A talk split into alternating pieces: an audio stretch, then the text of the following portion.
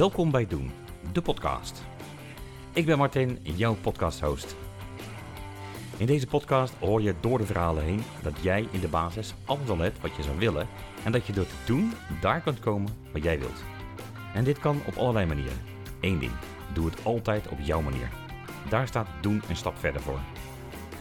Om mijn podcast zo divers mogelijk te maken wil ik het volgende voorstellen. Stuur vragen, gastideeën of gesprekssuggesties aan via info.doeneenstapverder.nl of via de social media kanalen. En misschien komt jouw vraag of gast voorbij in een volgende aflevering. Als je meer wilt weten over Doen, ga dan naar de website www.doen-eenstapverder.nl. Maar eerst gaan we het hebben over hoe het is om gewoon te zijn. En toch bijzonder. Voor deze aflevering moet je echt de tijd nemen.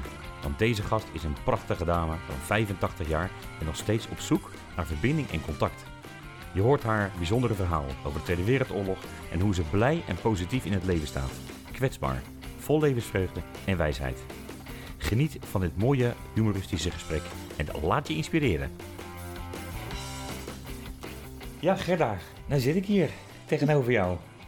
Ik vind het wel heel bijzonder, moet ik zeggen. Uh, ik, ken, ook. Ja, en ik ken je natuurlijk nog maar heel kort. Dat is zo. Via Arian van de Wetering, die ik in Gouda heb ontmoet. Uh -huh. En toen vroeg ik aan hem, zei joh Arian, ik ben op zoek naar mensen die een stuk levenservaring hebben, die 25 zijn geweest. en die, um, die een mooi verhaal hebben. En toen zei hij van, joh, ik ken wel iemand. Hij zegt, Gerna is wel iemand die wel een mooi verhaal heeft. Nou, we hebben vorige week elkaar gezien voor het eerst. Dat toen had ik al zo. een fantastisch ja. gesprek met je. Ja. En uh, nu zitten we hier, officieel in de opname. Nou, ik denk dat heel weinig mensen uh, die nu al mijn podcast luisteren jou kennen. Dus ik denk dat het misschien goed is als je heel kort iets stelt. Ik, ik heb jou overigens gegoogeld. En even heel kort. Voorzitter van de bewonersvereniging. Voorzitter themaochtend, de werkgroep van de vereniging Senioren. Voorzitter van een programmacommissie Zomerschool. Gastvrouw Huiskamer van de Wijk. Bestuurslid van het Humanistisch Verbond. Verhalen vertellen basisschool over de oorlog. Lintjes ontvangen. Nou, er staat nog veel meer op internet. Dat is nogal wat. Ja, maar daar heb ik ook veel jaren over gedaan, hè? Dat is ook wel waar. maar kan je eens kort vertellen, Gerda? Wie, wie, wie ben je? Je bent 85 inmiddels? Ik ben 85. Ja, wie ben je? Dat is voor mij niet zo makkelijk te beantwoorden. Wie ben ik? Ja. Ik hoop dat ik eerlijk ben, bijvoorbeeld. Vind ik belangrijk. Ja. Ik hoop dat ik ook sociaal ben. Dat vind ik moeilijk. Ik woon hier in een groot huis. En de, de meeste mensen hebben niet zo'n groot huis. Dat is waar. Ik kom vaak mensen tegen die zitten dan de hele zomer op zo'n klein balkonnetje. Ja. Denk ik, ja, ben ik, nou, ben ik nou wel sociaal, denk ik dan. Dat is wel een mooie overweging. Ja, dat is het ook. En wat doe ik daar dan aan? Te weinig, vind ik. Ja. Ja, ik geef te weinig aan goede doelen bijvoorbeeld. Oké. Okay. Maar dat kan ik nog verbeteren. Dat moet ik verbeteren. Ik wil wat voor de, weten ze ook, hoe heet het ook weer? Voedsel. De voedselbank? De voedselbank, okay. ja. Daar kan ik wat aan geven. Dat Ja. heb ik nog niet gedaan. Vind ik dat ik dat eens moet doen. Ja. Ik heb mijn huis altijd heel sociaal gebruikt. We hebben hier veel vergaderd, bijeenkomsten gehad en zo. Ja, ik, ik noem mezelf socialist, maar waar blijkt dat uit? Dat is heel moeilijk. Dat is een mooie spiegeling. Ja, ja zeker. Ja. Uh, ik, ik, nou, nogmaals, ik ken u een, een week ongeveer. Uh, hoe ik u meemaak en als ik uw verhalen hoor, dan, dan, dan hoor ik een heel sociaal bewogen mens. Zeker ook als ik kijk naar de activiteiten, waar we ook zo meteen nog even opkomen. Want toch bent u redelijk actief. Ik bedoel, met 85, een heel leven achter de rug, waarbij u lang en veel gewerkt heeft. En Ja. dan zou je toch zeggen, mag ook wel eens een keer om even lekker gaan zitten. Nou, als ik dus lees eh, en als ik Erik Scheerde volg, hè, dat doe ik een beetje, Ja? dan moet je juist, nou je niet zoveel mogelijk, maar blijf actief. Kijk wat je nog hebt. Eh, hou je hersenen aan de gang. Ja. Maar dan zou ik iets willen organiseren voor juist voor 70, 80, 90-jarigen. Oké. Om te kijken of wij alsnog doelen kunnen stellen. De oudere mensen dus. Ja, zeker. Ja. Ja, Eh, u schaart jezelf niet onder ouderen. Nee, maar ik heb het wel over wij. Dus Ja, dat- precies. ja, dat is zeker waar. Ja, want 85, dan- u heeft de oorlog meegemaakt. Ja, Ehm, wat ik heel mooi vond vorige keer, en dat raakte me echt op een hele goede manier, dat u zei, het waren bijzondere en mooie herinneringen. En toen dacht ik, wauw. En toen haalde u ook kort aan over, ja, ik moet wel opletten als ik op school mijn verhaal vertel, dat de kinderen de oorlog niet stoer en gaaf vinden. Maar het is wel heel bijzonder, hoe, want ik heb nog nooit iemand gehoord die de oorlog heeft meegemaakt die dat zo omschrijft. Wat is voor u uh, zeg maar, het moment wat het meeste indruk heeft gemaakt uh, in de tijd van de oorlog? Ja, ik heb een negatief moment. En ik heb vele positieve momenten meegemaakt ja. natuurlijk. En altijd wisten we dat we op de familie konden vertrouwen. Uh, en één was heel duidelijk. Wij vluchtten in de Tweede Wereldoorlog. De eerste, de beste dag werd de Helder beschoten. Ja. Want we waren nog Nederland. Want u woonde in Den Helder toen? Ik woonde in ja. Den Helder, sorry. Dat was een grote rijkswerf, een haven, de kust, de mm-hmm. dijk. Ja. En daar lagen schepen. Dus we waren mikpunt voor de Duitsers. Wij moesten vluchten, de eerste beste avond al. We gingen naar het huis van mijn opa. Voor je familie. Maar hij woonde aan de rand van de stad, vielen minder bommen.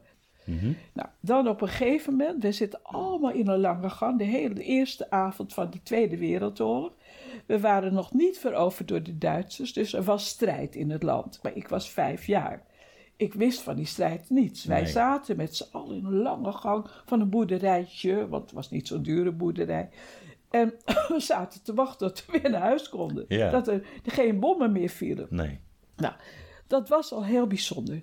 Mijn vader had vier broers en nog twee zussen. Die zaten allemaal in die gang. Zo'n lange ouderwetse gang. Ik zie daar allemaal van die oude stoeltjes staan. Ja. En wij zaten als kinderen op de schoten van die ouders. En op een gegeven moment, het was al een uur of half elf, denk ik. Het was al laat. Ik dacht dat we al naar bed zouden moeten. Toen viel er een bom daarnaast. Zo. eh, op de garage die aan die boerderij was vastgebonden. Dus echt vlak bij jullie. Ja, of daarnaast. En toen begon het huis van mijn opa en oma begon zo, zo op ze te schoppelen. Het was natuurlijk niet onderheid. Nou, we moesten allemaal weg, want het was levensgevaarlijk. Het kon zo- zo inzakken, dat is later ook gebeurd. En wij vluchten.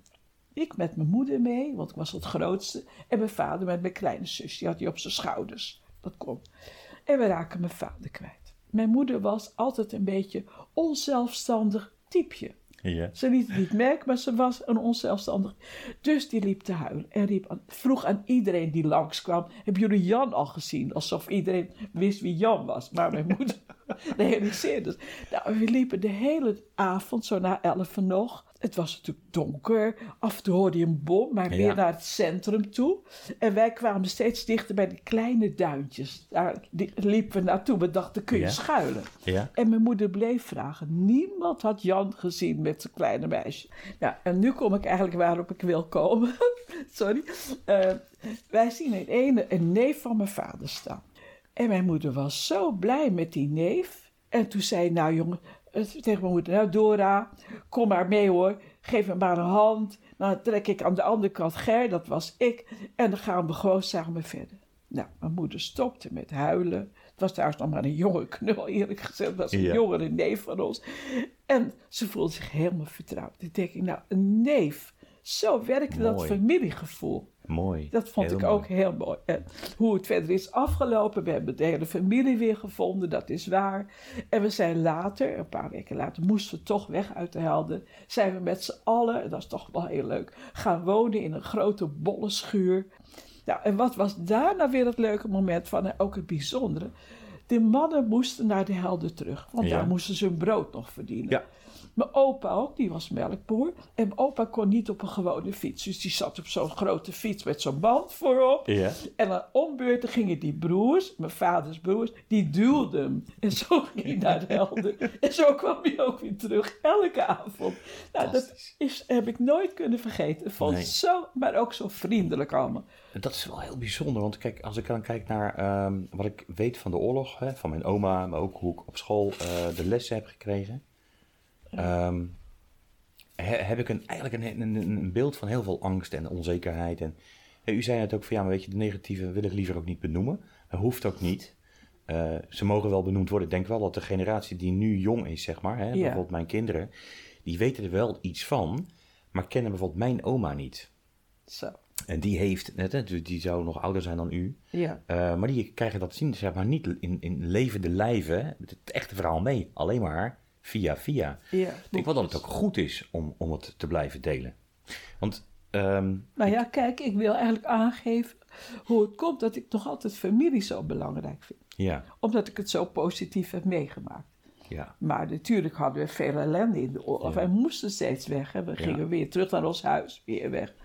Vluchten, steeds weer een ander huisje waar we onderdak vonden in de buurt van de helden. Ja, ook heel veel ellendige dingen hoor. Honger, ja. geen licht, Ja, geen school. Ja, dan las ik wel heel veel natuurlijk, maar ja. oké. ja u, las, u las veel. Ja, ja. Ja. Maar wel mooi om dat wat te horen. U haalt de, de positieve dingen haalt u eruit. Ja, precies. Maar dat komt dat ik zo'n klein kind toch was. Ja, vijf jaar. Ja, dat is Kijkt toch anders naar de wereld. Ja. ja. Dat is ook zo. En Wel mooi. wa- Er waren ook angsten natuurlijk. Altijd Ja. komt mijn vader wel weer thuis van Ja. die Rijkswerf. Ja. ja. Maar inderdaad, een kind heeft minder angst dan een volwassene. Ja. Want u doet ook eh, met regelmaat, eh, ik vond trouwens heel leuk wat u vanmorgen vertelde hier, hierover. Eh, kinderen verhalen vertellen over de oorlog. Het vluchtkoffertje waar u over vertelde. Heb ik mee. Had vandaag ook voor me. Oh, had u, had u bij. Wat ja. weer vandaag via Zoom het gedaan, hè? Ja, via Ja, Zoom. fantastisch. Ja. Ging goed? Twee klassen. Ja. Ja, Ja, hartstikke ja, ja, mooi. Ja, dat ging ook goed. Leuk hoor. En ja. leuke vragen ook toch nog. Ja, Ja. zeker. Ja, Dus je vertelt dan een verhaal over de oorlog. En normaal gesproken is dat voor de klas. Ja. En nu was dat via Zoom. Voor de eerste keer eigenlijk. ja, eh, niet te zoomen, maar wel eh, om het zeg maar voor de ja kinderen te zeker. doen. Dat heb ik nog nooit gedaan. Nee. Hoe was dat voor u? Nou, eigenlijk helemaal niet gek. Nee. komt dat die leerlingen zo vaak een vraag hadden? Die Ja. kwamen naar voren en dan heb je even contact natuurlijk. Hè? Ja, mooi. En degene die het eh, voor ons organiseert, voor al die lieden die Tweede Wereldoorlog verhalen vertellen. En sommigen hebben ze niet zelf meegemaakt, die hebben het van hun vader weer. Klopt, ja. Maar Ja. ja, ik heb het dus eh, niet Echt? weer van iemand. Nou goed, Ehm, degene die dat organiseert, ene Margreet Hendricks, die zat aan, aan de zijkant in mijn beeld. Dus ik had het gevoel dat ik het ook aan haar vertelde. Oké. En dat ja. is leuk, want zij gaat altijd mee. Zij rijdt me even met de auto en zo. Dat is wel heel lekker. Zeker. Ik voel me ook een beetje eh, lui dan. Maar het is niet gek natuurlijk. Mag toch ook wel eens een keer? Dat is, nou ja, oké. Ik vind dat Vind ik heel helemaal een lui leven heb. Maar met z'n tweeën nog. Precies. ja, mooi. Er staat ook, ehm zag ik op internet staan, maar u bent bestuurslid van het Humanistisch Verbond. Humanistisch Verbond. Hoe zou je dat kort kunnen omschrijven voor de mensen die niet weten wat het is? Want, Het is alvast geen geloof, mhm, maar wel een levensovertuiging. ja, Ehm, ja, wij gaan dus niet uit van een God. We gaan toch meer uit van onze eigen denkmogelijkheden. Ja, de mens is in deze het belangrijkste natuurlijk. Ja. Ik ben een rare humanist overigens, want ik, ik ben vrijzinnig protestant opgevoed. ja, want ik wou zeggen, want boven u, achter u, want ik kijk nu Ja, naar zeker. u. De luisteraars die, horen, die zien het niet, maar ik Nee. wel. Ik kijk naar een hele, Ja. ik vind een mooie vrouw van 85 en daarboven hangt een prachtige afbeelding, een, een eh, lito van, van Jezus. Ja, En dat, dat, dat, het klopt ook helemaal. Maar kijk ik iets naar links, dan zie ik op een glazen deur een sticker van de Playboy. En zo bijzonder humanistisch bent u dus. Moet ik het zo ja, vertalen? vooruit voor mij. part. Ik vind het al gewoon geworden. Ja, precies. Ja, ja. Maar dat, dat, dat maar is wel ik, het ik kan beeld. dus niet geloven in een God die, eh, die zoveel invloed op je leven heeft of zo. Ik ben echt ongelovig. Mhm. Maar ik ben opgevoed vrijzinnig protestant, vrijzinnig. Dus daar heb ik zoveel waardevols ook weer door meegemaakt. Ik ben nog zelfs zonderschooljuffrouw geweest. Oh, echt waar? Ja, dat ben ik geweest. En toen, eh, toen werd ik ongelovig. Ik deed dat allemaal omdat ik een goede schooljuffrouw wou worden. ben, ik, ben ik al begonnen als zonderschooljuffrouw. Fantastisch. Ja, ja. Nou ja, oké, maar daar ben ik ook echt mee gestopt. Want ik werd ongelovig. En ik ben nog steeds ongelovig. Had het een reden waarom u ongelovig werd? Of dat een reden had. Was er een oorzaak of gebeurde er iets? Nou, dat is, dat is een goede vraag, maar die heb ik gewoon nooit voor mezelf Nee. beantwoord. Ik denk een natuurkundeleraar, dat zou kunnen. Die had toch een beetje invloed op mijn leven. Geschiedenisleraar ook op de kweekschool. Ik heb nog Ja. tot met, met mijn negende, toen was ik op de kweekschool. Ja, dat hoorde ook zo. ik ben Ja, tijd, precies. ik ben niet blijven zitten of zo. Maar ja, die leraren hadden invloed op mijn leven. Dat is absoluut een feit. Ja, ja, ja. Bijzonder. Ja, want over school gesproken. Ja. ehm, ik ben natuurlijk op een gegeven moment, ik weet niet in welk jaar bent u naar, naar Gouda gekomen. Ehm, en daar probeerde u toen ook als onderwijzer aan de slag te gaan. En ehm, eh, u, geeft het ook aan, hè, het was niet passend als vrouw van een onderwijsinspecteur om op school werkzaam te zijn. En daarom eh, koos u voor de functie als docent maatschappijleer op een technische school hier in Gouda op de Ten ja. Ja. Toen was ik al humanistisch vormingsonderwijsles geweest. Had Ja. ik dus van die eh, groepjes van scholen les Mhm. gegeven. Ja, en toen eh, had ik mijn diploma gehaald van het Humanistisch Verbond, was dat eigenlijk. Een soort leergang, dat had ik gehaald. Ja, mooi diploma. En daarmee kon ik ook maatschappijleer geven. En dat, dat was heel leuk aan het leerlingstelsel. Nou, echt, zoiets had ik ook nog mijn hele leven niet gedaan. Ja, want u was de eerste vrouwelijke onderwijzer op die school. Ja, ja Wel of bijzonder. de tweede, maar alvast zeker in dat vak, maatschappijleer. Ja. Ja. Nou, dat was, dat was enig, maar ik vond het doodeng. Ik nam altijd een valiumtablet. Oh, echt waar? Ja, zo eng vond ik het. Die knullen waren allemaal veel groter dan ik. Ja. Ik ben niet eens zo klein. Nee. Oh, oh, oh, nou, dat liet ik alvast maar eens mijn spierband. Ik kijk, jongens, kom erop. Stond ook zo, zo voor de klas met die spierballen. Fantastisch. Ja, Ja, het want het onderwijs is eigenlijk, want u heeft lang eh, gestudeerd en geleerd. En onderwijs, hoe lang heeft u in het onderwijs gezeten? Oh, dat heb ik nog nooit nageteld. Sorry, dat weet Best ik wel niet. lang, hè? Ja, tamelijk lang. Ja, En Ja. uiteindelijk eh, ook zonder school, omdat u dat ook leuk vond. ja niet... daar ben ik mee begonnen. Maar dat was dus een, een onbetaald werk Ja, natuurlijk. precies. Maar toch Ja. is het het lesgeven. En Ja. dat doet u eigenlijk nu nog steeds in de vorm van verhalen vertellen. Ja, nou dat is ook weer leuk. Het was vanochtend echt enig. Alleen ik moest uitkijken. Ik had zelfs alles opgeschreven. Maar ik ga altijd buiten mijn verhalen om. Dat is vreselijk. Alleen wel leuk, improviseren. Ja, misschien wel. Ja, ja, ja. Mooi. Maar ja, je moet wel, ik wilde uitkijken dat de mensen, of de leerlingen, niet dachten dat de oorlog ook nog leuk was. Een beetje leuk is het wel natuurlijk. Want je hebt zoveel meer dan anders. Je bent met andere dingen bezig. Ja. Ja, met ook dingen des hartes zou je kunnen zeggen. Ja. Ja. Ja. En dat was ook zo. Dat was gewoon zo. ja. Maar we moeten natuurlijk allemaal tegen oorlog zijn. Absoluut. Het is het meest erge wat er is. Zeker. Ja, Ja. ja. Het, het mooie is ook wel dat, dat er een, een bepaalde boodschap in zit. Want u ziet het niet positief, maar u haalt wel de mooie momenten eruit. En dat kan ook een soort van ehm, leerstukje zijn naar hoe we er nu in staan. Hè. We kunnen nu ehm, hè, individueel leven en elkaar niet zien. En dat geldt ook voor families. We hebben het zo meteen wel eventjes over, over hè, dat community stukje. Ja. Maar ik denk dat het ook een heel eh, leerzame periode is geweest voor u. Om te, ervaren, hè, wat u ook aanhad. De familie was zo belangrijk. En we hadden elkaar nodig. En we waren er voor elkaar. En daar En ontbreekt het ja, soms nog wel ook aan. belangrijk dat je elkaar nooit zou verraden. Precies. Want dat was in de oorlog ook heel eng. Je wist Ja. niet eens of je je buren kon vertrouwen. Ja. Nou, daar, we hadden buren hoor, heel aardig. Ten slotte, nadat we heel vaak verhuisd waren, hadden we een huis. En ook buren Ja. natuurlijk. Wat een rijkdom.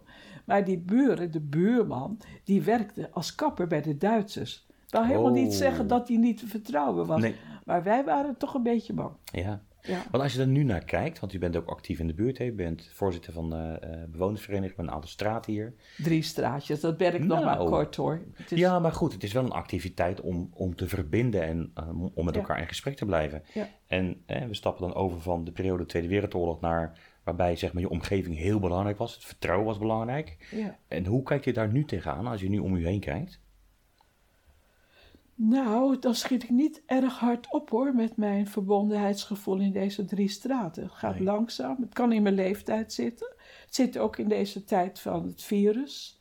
Je, kijk, ik, ik hield hier toch één keer of twee keer per jaar een middag. Mensen hier naartoe kwamen. Ja. Nou, dan had je alweer een stuk verbondenheid. Dan gingen we nog eens praten over onze doelstellingen. Dat hebben we allemaal gedaan. Maar dat hebben we al van vorig jaar maart. Hebben we geen barbecue meer gedaan. We hebben voor Ja. de kerst niet iets met, met elkaar gedaan. Voor de Pasen ook niet. Want ik had een paar mensen die werk, één persoon werkt van mijn bestuur in het ziekenhuis. Die zag het ziekenhuis weer vollopen. Dus die zei, Gerda, we doen niks met tafels. Nee. En mensen die hier een broodje komen halen voor de Pasen hebben we allemaal niet gedaan. Nee. Dus eigenlijk mijn verbondenheid met de straat is niet gegroeid. Nee. Alleen we hebben nog wel paasstolletjes bij iedereen rondgebracht. Ja, precies. Ja. En dan kwam ik weer wat mensen tegen, maar je moet op een afstand blijven. Ja. Zo is het gewoon. Ja. Dus je komt ook niet ergens binnen. Mensen komen niet Nee, bij dat mij is wel binnen. waar. Dit is een slechte tijd voor verbondenheid. Nee, Maar aan de andere kant denk ik, hè, wellicht is het mogelijk om buiten meer te organiseren. Hè? precies. Nou, misschien is een vorm als een podcast als deze, hè, want u had nog nooit een podcast geluisterd, Nee? ehm, eh, zou ook een manier kunnen zijn eh, want u heeft ook een, een, een smartphone. Ja. Waarbij je natuurlijk alles, een- van een YouTube tot nou, alles kan je bereiken. Eh, misschien heeft u ook oortjes of een koptelefoon. D- er zijn mogelijkheden om toch elkaar te verbinden daarin. Ja. Ja. wat goed van je. Daar heb ik nog niet eens aan gedacht. Ja. Maar komt, ik ken de waarde van een podcast niet. Het is Nee. voor mij het eerste. Jij komt met dit woord. Ik dacht, god, dat ken ik niet eens. Nee, Ja, zo, dat heb ik gewoon wat geleerd.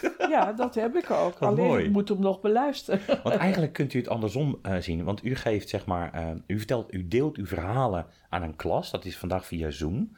Nou, een klein verschil tussen een verhaal delen in een podcast of wat u vanmorgen heeft gedaan in de klas, is dat er geen beeld bij is. Het kan wel, maar ehm, mensen hebben een telefoon en ze hebben een Spotify of een andere manier van de muziek luisteren, doen de oortjes in en hebben gewoon eigenlijk een moment van een Gerda die vertelt over de oorlog of iemand vertelt over hoe de wereld in elkaar zit, over de economie, over gezond, politiek, ik bedoel, eh, het socialisme, het humanistisch verbond, er zijn allemaal podcasts van. En je kan zitten Ja, of fietsen of wandelen en luisteren. Ja. Dus als we het hebben over met elkaar in contact komen op een manier die in deze tijd past, zou een podcast kunnen werken misschien. Ja, leuk hoor. Dus misschien moeten we eens over brainstormen, kijken of we daar iets mee kunnen doen. Ja, Ja. zeker. Ja, inderdaad. We kunnen meer met Ja. zo'n podcast. Denk het wel hoor. Want we zitten nu dus inderdaad te zoomen. Dat doen we met Gouden Oost, maar we zijn maar met z'n vieren. Ja, Maar een zoom is toch meer kijken ook. En, Ja. en een podcast is meer praten. Ja, En ook en denken luisteren. natuurlijk. zeker. Ja. Ik heb nog hele lastige vragen. Oh ja. Even voor zitten. Ik drink nog een daad. Ja, tuurlijk, tuurlijk. Nou, wat ik wel mooi vond, Gerda, en dat trok ineens tot me door. Je vertelde van, nou ja, mijn dochter is 60. En ik, oh, wacht even. Dat is waar. Als ik denk aan mijn kinderen, mijn oudste zoon is 21 en eh, uw oudste dochter is 60. Dat is een andere generatie voor mij al. Ik ben pas 48. Vond ik ineens heel bijzonder om, om eh, dat te horen. En toen dacht ik ineens, eh, u heeft drie dochters. Ja. Hoe, is- hoe zou u heel kort de band kunnen omschrijven eh, met Tussen uw dochters? drie dochters. Of mijn band met, met, ja, met, dochter. uw band met uw dochters. Nou, ik voel me, hoe ouder ik word, hoe meer verantwoordelijk voor hun. Oh, echt waar? Ja, het is Oh, echt dat is waar. bijzonder. Omdat komt omdat zij dus tussen de 50 en 60 zijn. Ja. En ehm, ik volg ook wat dingen tegen dementie. Ja. Hoe beter je hersens gebruikt en hoe gezonder je leeft, hoe later je waarschijnlijk dementie zal krijgen. Ja. Of niet. Maar het zit een beetje ook in mijn familie. Ik heb er ook angst voor. Ik vind het heel eng. Maar veel mensen van mijn leeftijd hebben er angst voor. Ja. Maar het is wel zo dat zij tussen de 50 en 60 al wat kunnen doen aan hun leven. Mhm. Opdat ze het niet krijgen of laten krijgen. Want ik ben wel lid van de Alzheimer-vereniging geworden. Ja. Ja, om daar ook wat van te leren. En ik vind die Erik Scheerder, die is niet van de Alzheimer, maar die vind ik ook gewoon een licht in deze tijd. Hoor. Ja. Geweldig. Ja, die is, maar hij komt met goede dingen. Ja, Mooi. ja vind Zo hebben we allemaal onze, onze, onze figuren zeg maar, om ons heen waar we ergens aan kunnen hangen. Dat is wel het is mooi. niet echt een filosoof hoor, maar dat geeft Ja, maar dat hoeft ook niet altijd. Nee, nee, het is een heel praktisch gericht iemand. Ja. Prima. Ja. Ik hou er ook wel van. Lekker doen. Ja. ja. Ik zag op internet eh, dat, dat u vertelde over, uw, eh, over uw dochters. En toen eh, omschreef u dat, eh, wat ik wel kwijt wil, is dat mijn dochters mijn beste vriendinnen zijn. ja. En toen dacht ik, oh, dat, dat, is, dat vind ik heel gaaf om te horen. En toen dacht ik, oké, met 85, hoe maakt u nu nieuwe vrienden? Ja, ik heb er zelfs één gemaakt. Nee, twee eigenlijk. Eén mevrouw, ik had tot een wandelgroep. Mhm. Maar daar ben ik mee gestopt op de donderdagmiddag, ochtend was het. En ik ontdekte een dame, die kon alleen woensdag lopen. En daar ben ik mee gaan wandelen. Op woensdag waren we met z'n tweeën, konden niemand besmetten. Nou, en, en zij is heel doof, dus ik was nog nuttig voor haar ook. Want met z'n tweeën kun je dan beter praten dan Ja. met een grote groep. Dus ik had ergens nut voor haar. Zij belt me elke week dat ik ook blijf lopen. Mijn been is slecht, dus ik zou alweer gauw kunnen zeggen... Nou, Laat dus dat, maar. Ja. dat doe ik niet. Ik moest volgende dagen ook echt afbellen. Zo. Nou, dat is dus een vriendin geworden. We hebben dezelfde situatie. Mooi. Alleen ja. ik heb drie kinderen gehad. En zij had een man met paar kinderen. Ja, ja, Dat is wel een enig verschil hoor. ja. Maar vrienden heeft u dan toch. En u had dat er een, eigenlijk uit een soort van eh, sociaal bewogen eh, moment, heeft u ook een nieuwe vriendin.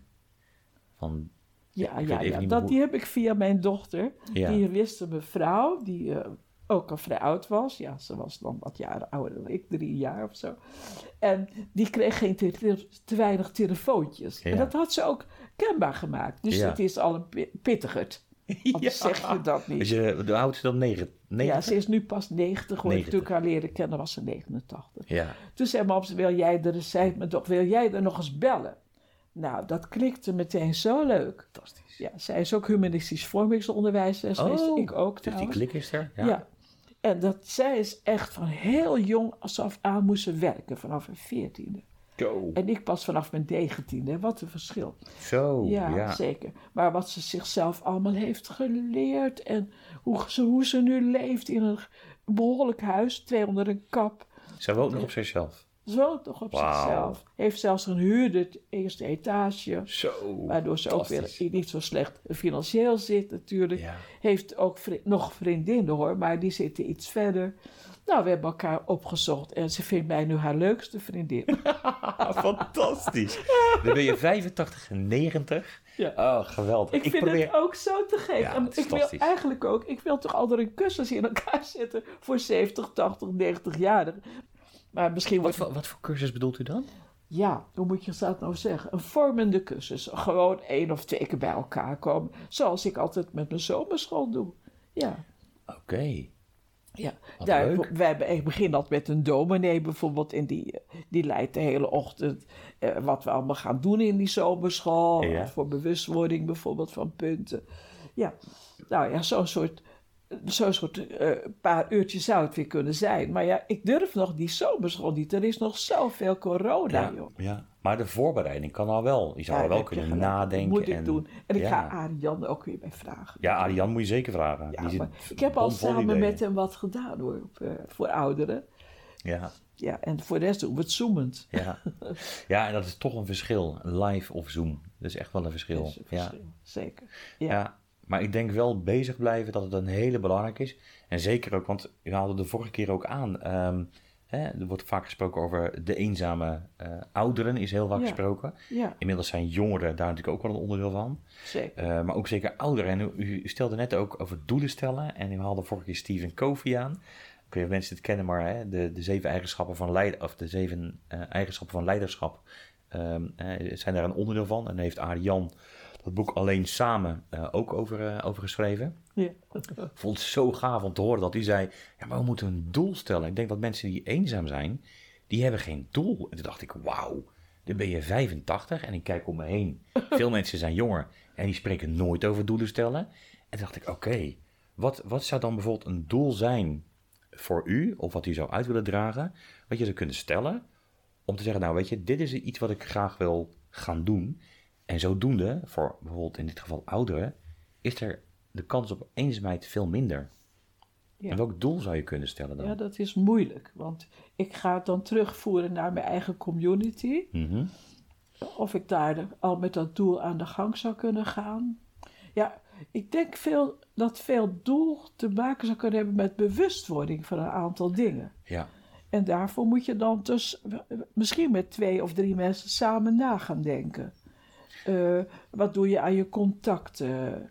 Dat Ja. soort dingen. Zit je nog op een clubje? Het zijn allemaal van die slo- s- ja, een beetje slome zaken, Ja, maar wel nee. belangrijk. ja, ja. Kijk, je zou nou natuurlijk een, een clubje ouderen kunnen hebben, bijvoorbeeld. Eh, zoals mijn dochter, die weet dus dat er een mevrouw is die een beetje weinig telefoontjes krijgt. Ja, ja, Dan komt dat ze bij het ouderenwerk is. ja. Dat hebben wij hier niet zozeer. Nee, Eh, Dan ga je niet zo gauw bij een oudere club doen of zo. Dat doe je nee misschien dat geloof niet. ik. En als mensen toch bij een andere club zitten, Ja. dan hebben ze al contact. Ja, Ja. Nou, als je nou te dat weinig is- telefoontjes krijgt, dan ben je toch niet eh, ziek of zo. Of, er is niks aan de hand. Je, je bent zelf in staat om het te constateren. Goed zo. Nou, dat is een hele mooie. Je bent zelf in staat om het Ja, te Kun constateren. je nog heel lang. Ja. Zeker. En in hoeverre zou het dan ehm, kunnen gebeuren dat mensen dan toch eenzaam zijn? Want dan hebben ze, hè, even ze, ehm, iemand denkt van, oh, maar ik ben wel erg eenzaam aan het worden. Maar dan? Ja. Dan is die constaterender, maar en, en wat zou dan de volgende stap kunnen zijn? ja, eens kijken wat er in je buurt is aan clubjes. Ja. Ga daar naartoe. Eh, ja, eh, zo'n wijkcentrum heeft ook een behoorlijke functie. Zeker. Maar goed, die is nu dicht. Ja, dat is ook zo. Het is natuurlijk niet zo'n eh, makkelijke ja. tijd. Nee. Maar ja, je kunt altijd mensen bellen. Dat vinden Ja. mensen toch heerlijk. Nou, ik heb misschien wel een goed idee, eh, Gerda. Wat leuk. Ehm, pimp je rollator. Pimp, je rollator. ik heb er een, hè? Wist je dat? Ja, daar hebben we het de vorige keer over gehad. Dat, ja. Ja. ik vind eigenlijk niks. Het zijn, het zijn lelijke dingen. Ja. Via Zoom ga je met z'n allen je rollator Pimpen. leuk versieren, pimpen. Ja, dat is dat is leuk. gekkigheid. Maar waarom niet iets, iets, iets geks doen? Ja, dat, kan is ook. ook. zo. Ja. Gewoon even de lach. Gewoon even de... ja. eh, want Maar je kunt op bijna met niet meer dan met één persoon iets samen doen. Daarom wordt er denk ik wel veel getelefoneerd hoor. dat denk ik ook wel. Er zijn ja. telefooncirkels, daar ben ik dan niet bij, maar ik had dat wel nog in mijn hoofd gehad. Ja. Om me daarvoor op te geven. Dus eigenlijk ligt er best nog wel veel eh, open voor u wat u zou kunnen doen. Zeker. Ja We hoor. hebben wel 24 uur in een dag, hè? Niet meer. Nee, dat is zo. Nee, ik ben in eerste instantie verantwoordelijk voor mijn community. Ja. Een familiecommunity. Ja. Ja, ja, ja.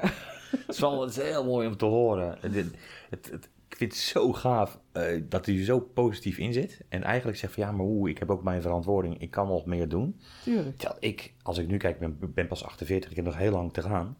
Dan denk ik van ja, maar weet je, 85, heel, heel lang gewerkt, heel veel gedaan, oorlog meegemaakt, eh, heeft oudere kinderen. Dan is het ook tijd om te zitten en alleen maar leuke dingen te doen en je niet meer verantwoordelijk te voelen. Maar dat past misschien ook niet bij de generatie. Ik weet het eigenlijk niet. Nee. Ik vind wel dat ik vaker op deze stoel zit. En dan een lekker televisieprogramma wil Ja. kijken of zo. Maar nee, nee, nee. Dat is gewoon hartstikke dom. Dat kun je overal lezen. Ja, dat is ook wel waar. Het is gewoon ook dom. Ja. Want Maar kijk, ja? zo heb ik... Ik wil ook dat mensen zich voor mij verantwoordelijk voelen. En dus een keer bellen. Dat gebeurt ook hoor. Ja, precies. Ja, maar iedereen, voor iedereen is dat moeilijk. Om Ja. die stap weer te doen. En, eh, ja, Herkenbaar. Ja, ja. Ik, ik moet zeggen dat ik hand in eigen boezem kan steken. Want al gaat het over mijn familie, hè, de community ja. en familie. Ja. Ja. ja, ik ben ook niet een echte beller of contactzoeker. En het is wel zo, Gerda, en ik weet niet hoe actief jij bent op de social media. Heb je bijvoorbeeld Facebook of zo, of andere social media? Ik heb, is dit al een social media? Eh, de dat is de telefoon, maar dan heb je vaak heb je daar een soort van. eh, ja, er zijn apps, noemen ze dat. Hè? Je hebt de WhatsApp, waarin je. Want eigenlijk is WhatsApp ook een social media. Eh, alleen dat is meer privé gericht. Maar je hebt bijvoorbeeld Facebook, hè, Ja. waar Ariane ook heel veel op doet. Daar ben ik nou weer niet op gegaan. Ja, ik sta er wel op, maar ik, het kost zoveel tijd. Precies. Niet. En dit kost ook al veel tijd, mijn iPhone. Zeker. Dan heb ik nog mijn computer en mijn iPad. Ja, ja. Maar ik ben... Ja, hoe komt dat nou? Kijk, ik ben zelf verantwoordelijk, natuurlijk. Maar ik zou graag mijn vriend verantwoordelijk maken.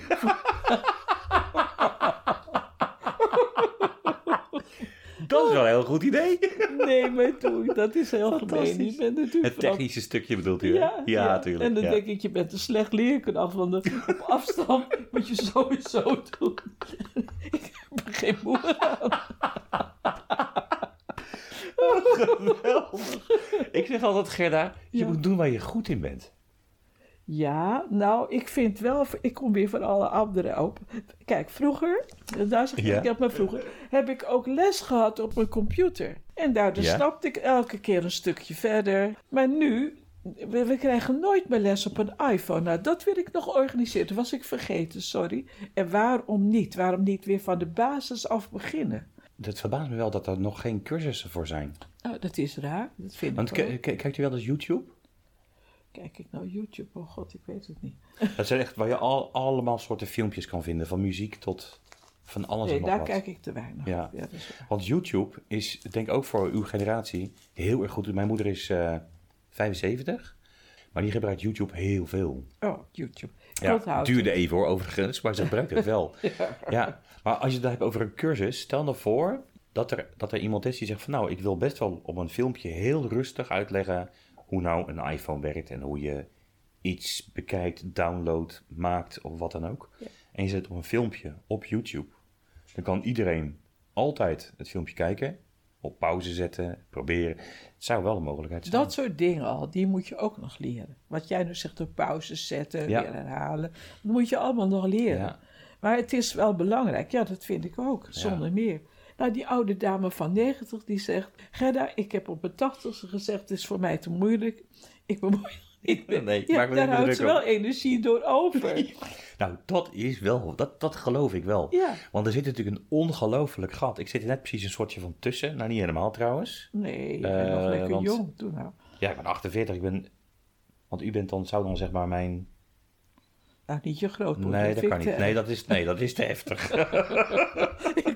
Objection, objection. Objection, ja. Maar als ik kijk naar mijn zoon. Ik Ja. ben echt, ik ben nog hartstikke jong. En Mijn zoon pakt zijn telefoon, mijn oudste.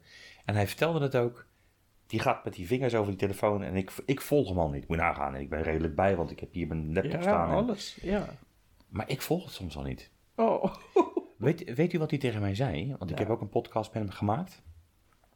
Eh, die zei tegen mij, hij zegt, pap, ik, ik snap heel goed dat je niet, niet alles kan volgen. En zit- de, de humor van de jongelui tegenwoordig kan ik ook vaak niet volgen. Die begrijp Nee, ik dat niet. geloof ik. En ik denk van, hé, waar hebben ze het over? Hij zegt, wij gaan inderdaad zo snel. Hij zegt, maar aan de andere kant, alle jongelui, dus eh, mijn kinderen zeg maar, die zitten op hun telefoon, zijn aan het gamen, Ja. hangen op een bank. Wij kijken naar ze, nou, die zijn lui. En toen zei hij, ja, dat is wel het beeld wat wij hebben. Hij zegt, maar wij groeien op in een hele andere tijd. En dan denk waar. ik, ja, ik heb af en toe een beetje moeite met wachtwoorden en noem maar op. En dan gaan we een generatie terug en dan komen we bij u. Dat is nog een groter gat. Ja, ja. Wat, wat zou u bijvoorbeeld mee kunnen geven aan, de, aan die jongelui? Die, die, die zeg maar eigenlijk heel snel leven. Terwijl u het stukje waar hun al volop in zitten, eigenlijk toch zou moeten weten, of misschien ook niet. Al lastiger, denk ik, hè? Ja, bedoel je wat ze voor ons kunnen betekenen, jongeren, of, Allebei de of kanten op. misschien meer begrip? Ja, misschien wel. Ja, ik denk dat ouderen een hekel hebben aan het volgende. Ze krijgen visite van hun kleinkinderen, in dit geval moeten dit kleinkinderen zijn. Ja, En de kinderen komen binnen, zeggen misschien nog dag, en gaan zitten en zitten in hun apparaten. ja. Nou, dat, ook al zou je als ouder allemaal net zo ver zijn, het is toch niet de bedoeling. Nee. Eventjes wel hoor, er moet altijd koffie gehaald worden en zo, dat soort dingen. Zonder van je tijd, het zit op je apparaat. Ja. Maar het is niet echt gezellig. Nee. Maar mijn zoon zei, zei pap, maar vraag dan ook gewoon waar wij mee bezig zijn en waarom. Maar stel nou voor dat... Dat is ook heel goed. Heel ja, goed. toch? Ja. Maar stel nou dat uw kleinkinderen komen en die weten, er is hier wifi. En ze komen binnen, hoi oma, en ze gaan zitten en ze verdwijnen in hun telefoon. Nou, hun hebben een verhaal over een telefoon die, die, die ik, maar ook u niet, kan volgen. Nee. Maar wat zouden we dan toch kunnen doen om die verbinding te maken? Ja, een vraag stellen is altijd belangrijk. Ja, en ook goed. En ik zou zo gauw nu niet weten welke vraag. Nou, ik zit er ook nog aan te denken om mee- hun mede verantwoordelijk te maken op, in mijn community. Want dat zijn wel de enige kinderen die ik zie natuurlijk. Ja, niet natuurlijk. Dat is eigenlijk ook een gebrek met mijn communicatie met de buurt. Hier op dit stuk wonen weinig kinderen. En Veel die er zijn, ja. komen bij eigenlijk nooit binnen. En nu komen ze helemaal niet Nee, binnen natuurlijk. Nee. Maar ik vind een vraag stellen aan iemand belangrijk. Ja, dat is altijd goed. Absoluut. Dat is Dus- een mooi voorbeeld inderdaad, een vraag stellen. Ja, maar ook een vraag naar de, de, de kinderen die binnenkomen, hun leven natuurlijk. Zeker. En ik vind ook die verantwoordelijkheid, vind ik ook mogelijk.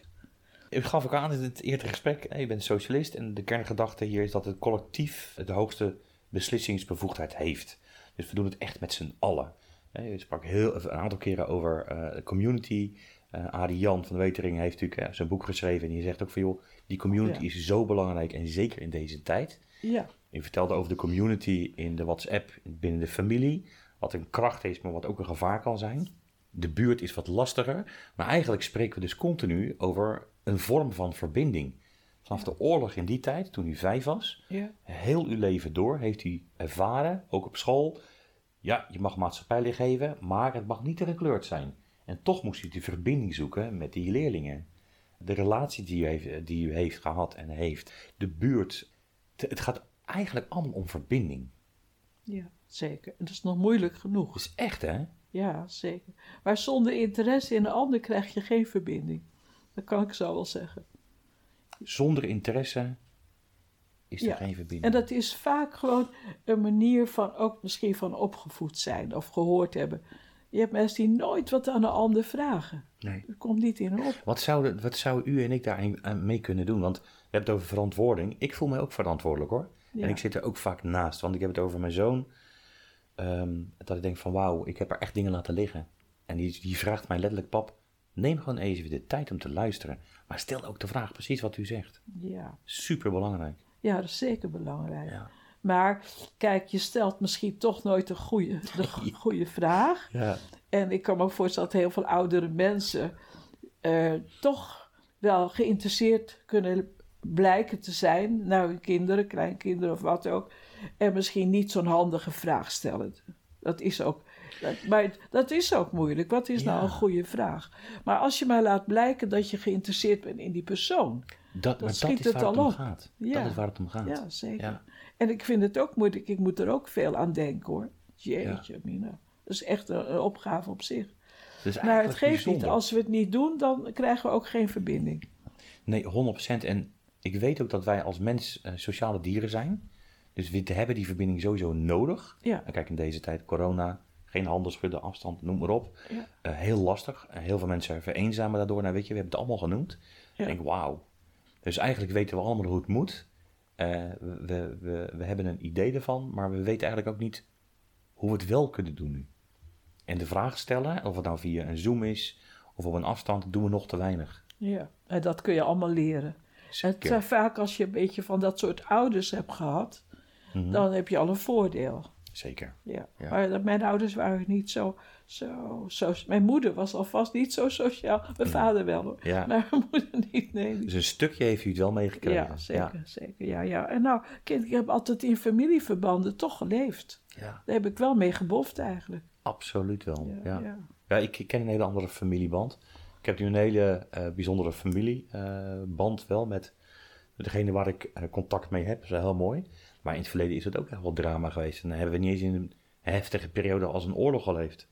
Ehm, en ik denk dat, dat we het daarover hebben, dat zware eh, algemeen maatschappelijke gebeurtenissen, in dit geval oorlog. Hè, we hebben nu bijvoorbeeld corona waarbij heel veel gebeurt. Ja. Dan zou je juist zeggen, zoek elkaar op. Ja, maar dat, Juist. ja, ja, op zoek of gewoon. Ik, wij hebben een familie-app, hè? Ja, ja. En als, eh, als ja, mijn eh, vriend, zijn broer en schoonzus zijn door corona geveld en overleden in een week tijd. Zo. Ja, en maar die werden niet door mijn eh, familie gekend. Maar iedereen heeft naar mijn vriend iets hartelijks geschreven. Ja, ja. En dat vind ik toch eh, vind ik al een waardevol iets. Dat schrijf ik ook hoor, dat ik dat, geweldig waardeer. Ja, Ja. ja. Dat is, ja. Als je iets voor een ander kan doen zonder jezelf te verliezen, is het alleen maar goed. ja, zeker. Ik, ik zit zo naar u te kijken en u bent heel, heel nuchter, heel opgewekt. Eh, maar u Oh. bent ook zeker wel een heel gevoelig iemand. Ja, ik moet altijd uitkijken dat ik niet ga huilen. Ik ben zo emotioneel. Dat, dat vertelde u, ja. Dat ja, vertelde u. vreselijk is dat. Nou, nee, Ja, vind ik ja. helemaal niet vreselijk. Ik vind de kracht van iemand als die zijn emotie kan uiten, dat vind ik heel bijzonder. Ja. Ja, daar heb ik altijd heel veel respect voor. Oh. Want op het moment dat iemand huilt, is, zijn alle lagen en schermen zijn van de mens af. ja, dat is En zo. dit is de, de naked truth, zoals we wel zeggen. De naakte waarheid. Ja, dat is het. Dat is zo, ja. ja. ja. Maar u bent ook eigenwijs, heb ik begrepen. Daar geef ik geen voorbeeld van. Hoeft ook niet hoor. Maar het stond zo leuk in dat verhaal, dat interview wat u eerder heeft gegeven. Ja, Ik ben een e- emotioneel mens, maar ik ben ook zeker eigenwijs. Ik denk, oh, mooi. Maar dat is jou goed dat, je- dat u eigenwijs bent. ja, ja. Ik denk dat het ook goed ik is kies om, eh, altijd wel mijn eigen weg, bijvoorbeeld. Ja. Ik laat me ook niet bepalen door mijn vriend, wat heel makkelijk zou kunnen. Ja. Maar daar heb ik zeker geen zin in. Nee, geweldig. En daarom ben ik ook maar 90 geworden, want ik denk, ja, ik zit even naar buiten te kijken Ja. en ik zie de zon ongelooflijk schijnen. ja. Ik zie de bloesem, waar het is het? ehm, Nou, daar, daar, geniet ik elke dag van. Dat is mijn rode camellia. Ik heb een roze, de roze staat daar ook. de witte pruim en nu begint de appel alweer. En mijn forsythia, nee, echt heerlijk. Geweldig. Ja, ja, die kleuren. En dan komt mijn, mijn kersenboom hier aan de voorkant. Nou, dat is wel heel dat is mooi, hè? Ja, witte bloesem. Als die zo meteen volop, als die volop gaat bloeien, prachtig. Ja, ja. schitterend. Ja, Ja. ja. ja. U gaf ik ook gaf ik, eh, eerder aan, ik, ik ga me, omdat de actieradius van mijn maatschappelijke aandacht kleiner zal worden, ga ik me echt richten op groen en duurzaam. En dan kan je dus ook lang in je huis blijven wonen, hè, zolang je gezond bent. En ehm, je bent volgens mij vorig jaar of het jaar daarvoor, bent u begonnen met een aandacht van een wadi in uw tuin. Dat is een, een, een wadi is een ehm, waterafvoer door, eh, eh, door infil- eh, infiltratie. Dus dat het niet in het riool terechtkomt, regenwater. Precies, dat is tegen overstroming in de straat. Tegen overstroming in de straat, Ja, ja. ja, ja. Dus dat betekent dat u ook eh, bewust bent van natuur, milieu en dat soort zaken. Ja, redelijk. Want die tuin is heel natuurlijk. En dat zeg ik bij een lachen, die lacht zelf ook. Want ik denk dat de gemiddelde keurig net de, eh, hoe moet je zeggen, buurt, eh, buurt eh, tuin, voortuin, bewoner zou zeggen, nou wat een bende in die tuin. Ik vind het een hele mooie tuin. Nou, Dus ik heb een beetje een nieuwe buurman. ja, En die, die zei, nou, ik zou wel weten wat ik zou doen als ik een tuin had. Ja, ik bedoel, dan ga ik al die takken eruit halen. En ik word zo kwaad. Kinderachtig. Ja. Kinderachtig. Dus zeg ik, nou, ik vind die tuin van u ook helemaal niks aan. Wat is er nou te, te beleven? Wat vreselijk saaie tuin heeft u. Hiernaast? Ja, ja, Ja. Dat is een onge- ik vind het ook een saai tuin. Het is heel netjes, ja, maar het is oerzaai. ja, Maar hier, hier zitten egeltjes. ja, Geheid. ja. Bij hem niet. Nee, Die kunnen nergens. Nee. Hier komen bijen. ja. Eh, dus ik, ik snap het wel. En ja, de buurt vraagt altijd Maar iets dat van... was of ik zal het weer. Ik heb het tegen die vrouw alweer goed gemaakt. Ik zeg, joh, ik dacht, wat zullen we nou hebben? Een felle tante van 85 en gewoon een degenrol pakken. ja, zeker. oh, geweldig. Ja, ik vind het gewoon heel fijn, want u woont hier nu vijf, 50 jaar. 50 jaar. Ja. Ja. En was de eerste bewoner van het huis ook? Er is hier een net grasveld. Zo zijn we begonnen met een paar struiken. Jazeker. Ja, ik vind, dat, dat zie je vaker eh, in steden. Gauw dat je hier op meer plekken trouwens. Als je dan aankomt hier eh, in de buurt, maar je komt bij de woningen aan, dat is een heel groot verschil. Ja. Maar ik vind het heerlijk als er een huis waar het gewoon groen is. Echt groen. En Ja. niet afgebakend. Nou, daar doe ik, ik doe van het groen is voor de gezondheid ook hier. Er komt heel veel zuurstof en zo uit. Of zal ik wel verkeerd zeggen, maar het is nee, is gezond. waar. Ja. CO2-afbraak en zuurstof. Ja. wordt, eh, ja, dat klopt. Ik weet nog iets over fotosynthese of zo. Nou, fijn, dat is, Dat is heel veel. Ja, precies. ben ik ook vergeten. Maar u bent dus wel natuur- en milieubewust. Ja, ja, ja, ja, zeker. Ja, Ja, ja. En ik vind dat we het eigenlijk allemaal moeten zijn hoor. We kunnen ook niet klagen over een regering. We moeten allemaal maar een beetje ons best doen. Voor het milieu. Hè. Dat mijn kleinkinderen en die kinderen, dat die ook nog kunnen leven. Precies. Dat is nog moeilijk genoeg. Wat zou bijvoorbeeld iets kleins zijn wat iedereen zou kunnen doen, wat bijdraagt aan een betere wereld? Nou, eigenlijk vind ik heel simpel gewoon minder vlees eten. Heel simpel. En dan Ja. minder in de zin van, Nou, of bijna helemaal niets. Eh, Ja, maar ik durf niet iedereen vegetariër te... ik doe even de microfoon uit hoor. Ja. nee, maar ik ben het met u eens. Ja, Minder, je zou vo- bijvoorbeeld kunnen zeggen, want Nederland is natuurlijk een vleesetend land en vegetariërs en veganisten komen steeds vaker eh, Ja, naar boven. Milieu, natuur, bewustwording. Ik ben het ermee eens, ik eet ook heel weinig vlees meer inmiddels. Mede omdat mijn vriendin vegetarisch is, inmiddels Oh, doorgegaan in het veganisme en Zo. het is zo lekker eten. Och ja, Maar zeker. minder vlees eten zou bijvoorbeeld betekenen, als je een beetje bij wil dragen aan het milieu, één dag per week geen vlees. Of is dat weinig? dat is weinig. Oké, doe, eens een voorstel. Ja, ik zou zeggen, eh, misschien maar één keer nog vlees eten. Oké. Want eigenlijk wat, wat, die, wat die vervuiling door, het, door de koeien. Onze, Heel veel. en ik vind het ook eigenlijk vreselijk hoe beesten toch doodgemaakt worden. Ja. Dat is ook erg hoor. Dat kan toch niet goed zijn voor ons? Nee. Ook voor ons niet. Maar dat hebben wij wel veroorzaakt. Ja, Want tuurlijk. ik denk dat na de oorlog een explosie is geweest van eh, eh, geboortes, van eh, een revolutie op het gebied van voeding, laat ik het zo even zeggen. Want u komt uit een tijd waar wij een telefoon of een telegraaf hadden, we nog morsecodes. Ja, Dat is volgens mij een beetje. En toen is het natuurlijk sinds de, de, de afgelopen 50 jaar is er extreem veel veranderd. ja, zeker. Ja. Ja. Ja, En daar hebben wij de verantwoording voor. Want ik voel me, over verantwoording gesproken, ik voel me absoluut verantwoordelijk voor wat er nu gaande is. Want ik kocht en ik at en ik deed. Dat doe ik inmiddels heel anders. Zo. En dat is door deze, door deze coronatijd ver- ver- veranderd, of niet? Mede. Deed je het al eerder? Mede, ja. ja. Ik Ja. was al wel wat bewuster, maar ik had zoiets van, ja, prima. Mijn vriendin is gewoon heel bewust. Al heel lang. Wat mooi. Eh, best wel eh, duidelijk. En ik vond het echt een onzin. Ik denk, weet je, oh, eet lekker dat vlees, wat boeit dat nou? Maar, tot ik me iets meer ging verdiepen in... En toen dacht ik, ja, maar ik kan ook wat doen. Dus, tegels uit de tuin, grind in de tuin, iets meer groen, iets meer duurzamer. Leuk, minder leuk, dingen weggooien, minder dingen kopen, ja, minder vlees eten. En het, ja, het kost geen moeite. nee, precies. En u zegt, ik maak een wadi in de tuin, zodat in ieder geval het water terug gaat in de aarde. Ja, Ik eet nagenoeg geen vlees meer.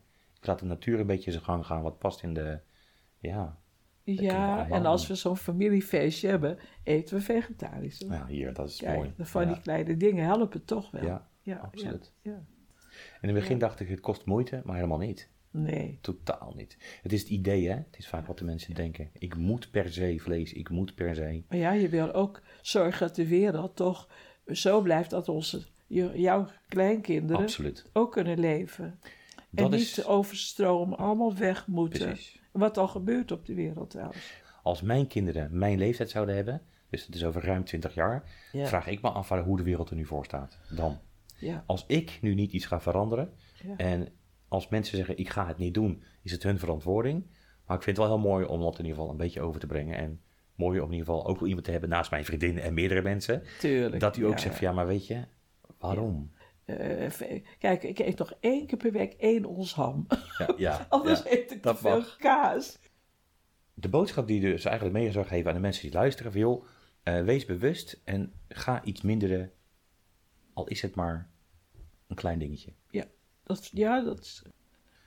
Eh, als je Gerda, Gerda ziet, dan zie je gewoon Gerda. En Ja. je gaat ook niet een doekje eromheen winnen, dit is gewoon wat je ziet. Ja, inderdaad. Ik hoop niet dat ik anders ben dan wat je ziet. Of- Ik geloof het niet. Ik drink nog even een kopje water. Ja, zeker. We hebben het gehad over eh, verbondenheid.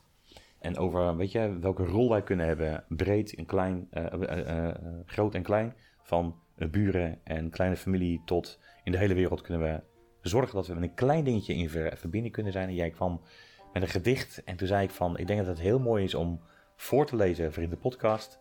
Ik ben heel benieuwd, eh, Gerda. Het mooie van dit gedicht vind ik, behalve de inhoud, de schilderachtigheid. Het is Ja, ook mooi. een tekening. En dat is dan weer een bijkomstigheid die ik wel leuk vind. Verbondenheid. Nieuwe paden, nieuwe draden. Draden van verbondenheid. Soms raak je ze even kwijt. Dunne, dikke, witte, zwarte, gouden en kleurrijke draden met een herinnering. Losse, zachte, strakke, harde draden met een verhaal, met een eigen taal. Draden met pijn, doorgeknipt, bevrijding, verdriet, weer opgepakt, om met liefdevolle handen ze te koesteren. Te weten, we zijn los en toch in liefde verbonden. Ja, ik vind het nog altijd prachtig. Het is een heel mooi gedicht. Ja, dat vind ik ook. Het is bijna een schilderij ook. Ja. Ja. Gerda, Ja. ik zou echt nog minstens twee uur kunnen praten met je.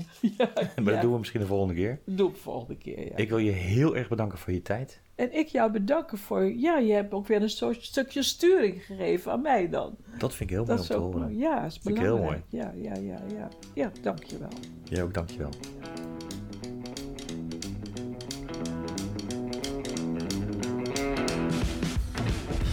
Wat vond je van deze aflevering? Volgende week is er weer een nieuwe aflevering. Luister je ook? Als je vragen hebt of suggesties, mail dan naar info en te doen een stap verder Of laat een bericht achter op social media, Facebook, LinkedIn of Instagram. Bedankt voor het luisteren.